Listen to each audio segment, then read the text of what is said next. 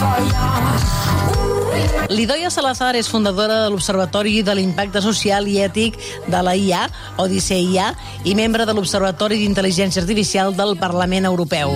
De fet, Odisea, la seva empresa, juntament amb Deloitte, ajudaran a supervisar la qualitat de la intel·ligència artificial a Espanya i també són assessors del govern en la creació de l'anomenada Agència Estatal de Supervisió de la Intel·ligència Artificial. Per tant, és consultora, ho sap tot sobre aquest text i amb ella repassem les parts importants. Idoia Salazar, hola, ¿cómo estás? Buenos días. Hola, buenos días, ¿cómo estás? Bien, estuviste con nosotros en el pop-up cuando participaste en Barcelona en un debate sobre ética y algoritmos, pero entonces no había manifiestos hace tiempo y alertas de expertos sobre la IA. ¿Qué te han parecido todos estos manifiestos que han hecho? Pues la verdad es que estos manifiestos son una representación de, de que la sociedad aún no está preparada para asumir el gran impacto de esta tecnología de IA generativa. Eh, lo hemos visto justo después del impacto de ChatGPT cuando realmente ha empezado a haber una revuelta social. La sociedad ha empezado a entender, a tener más conciencia de que la inteligencia artificial no es algo del futuro, sino que ya está aquí y empieza a impactarnos de manera directa.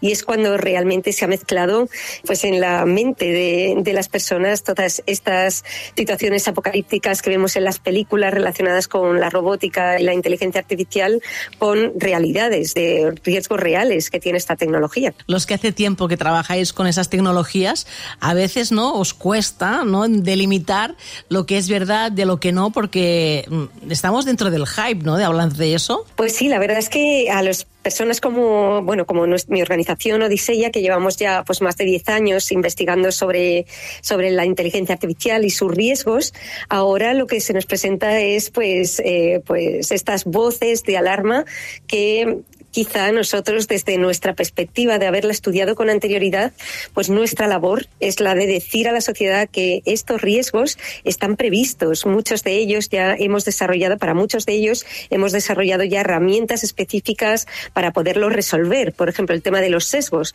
está muy, muy estudiado y ya hay herramientas muy precisas para mitigarlos. El tema de la supervisión humana. Sabemos muy bien los casos específicos de alto riesgo en los que son necesarias estas labores de supervisión. Sabemos que la IA tiene fallos, pero también que la mayoría de esos fallos son causados por el humano. Sabemos, pues, casos específicos de alto riesgo en los que tenemos que tener especial cuidado. De hecho, ya lleva, pues, la Comisión Europea más de dos años, pues, investigando para realizar la primera regulación en inteligencia artificial en el mundo. Y, hay muchos, muchísimos expertos estudiosos en la materia que llevamos ya tiempo eh, trabajando sobre estos riesgos para intentar mitigarlos y que no, no nos encontremos con este con estos pues claro. ejemplos de, de problemas. Com es pot legislar a una tecnologia que va tan accelerada i que va canviant dia a dia? Els eurodiputats en saben prou? Hi ha molts consultors?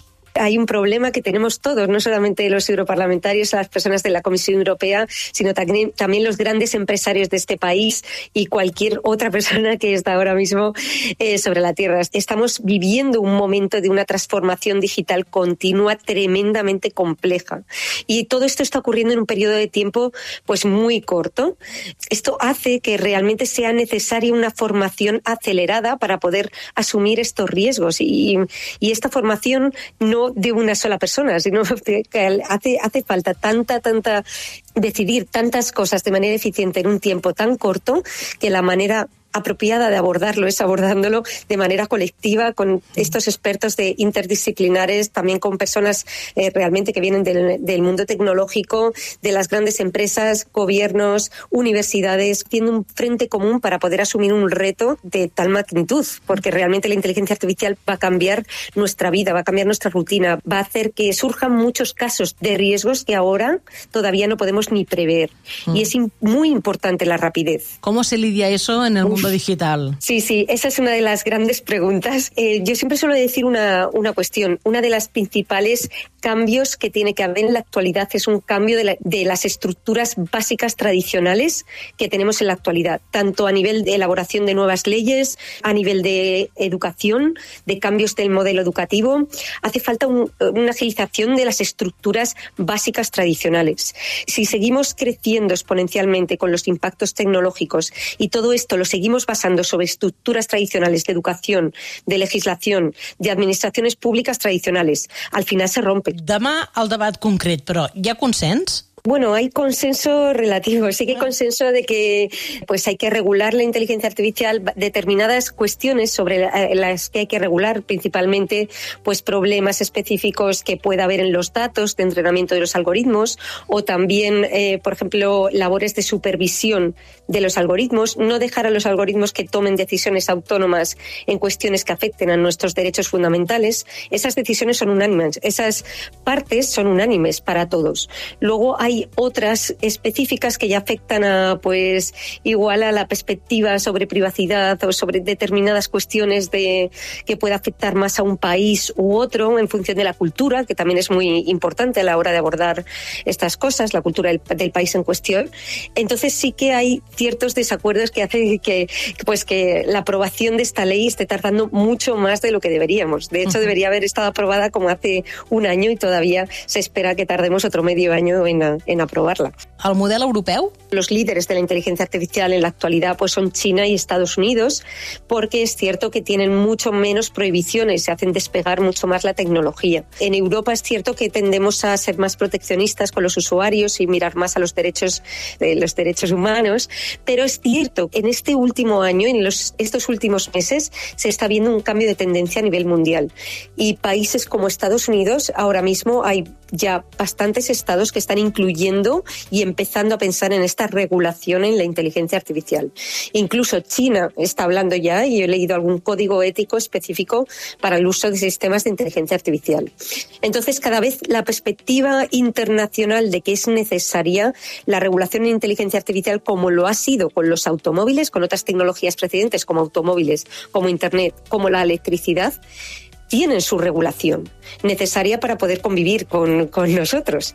Entonces, realmente esto será una más y esta regulación será necesaria para tener una convivencia sana. Les prohibicions concretes de la llei hay prohibición concreta, por ejemplo, en temas de puntuación social, de uso de sistemas de inteligencia artificial para puntuación social, como está ocurriendo en China. Es decir, pues no puede, se puede usar sistemas de inteligencia artificial para pues decirte que tú has, has cometido una infracción y es que esto sea público o algo cosas así parecidas. Por ejemplo, también está prohibida la identificación biométrica en tiempo real en la vía pública. Es decir, no nos pueden poner una cámara eh, mirando hacia nosotros, registrando cada movimiento que hacemos. Eso está prohibido. Está prohibido también las emociones. Está prohibido también el uso de sistemas de inteligencia artificial para reconocimiento de emociones en el lugar de trabajo o, por ejemplo, en una universidad o en un colegio.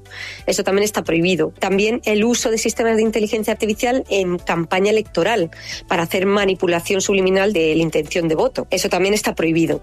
Y esas son unas de las, de las cuestiones que sabemos 100% que, que va a estar prohibida.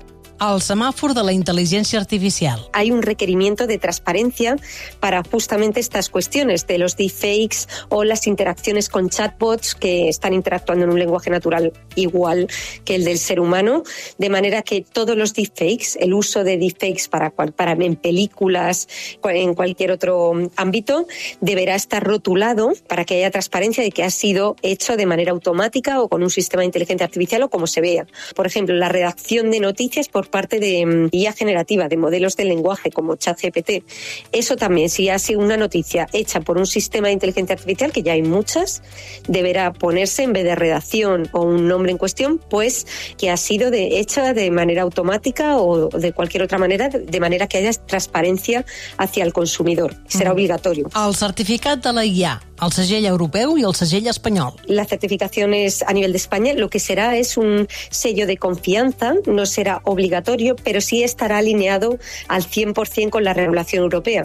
De manera que si tú realmente obtienes tienes los requisitos para pasar los requerimientos del, del, sello en España, de la certificación en España, podrás también pues solicitar el sello europeo y pues tener ese sello europeo. Los algoritmos de alto riesgo, los, aquellos sistemas de alto riesgo, que son todos aquellos que directamente tienen incidencia sobre los, nuestros derechos fundamentales en la decisión del sistema, esos deberán llevar por ley el sello europeo. El resto de sistemas de inteligencia artificial podrán llevar pues simplemente este sello de confianza que va a dar el gobierno de España.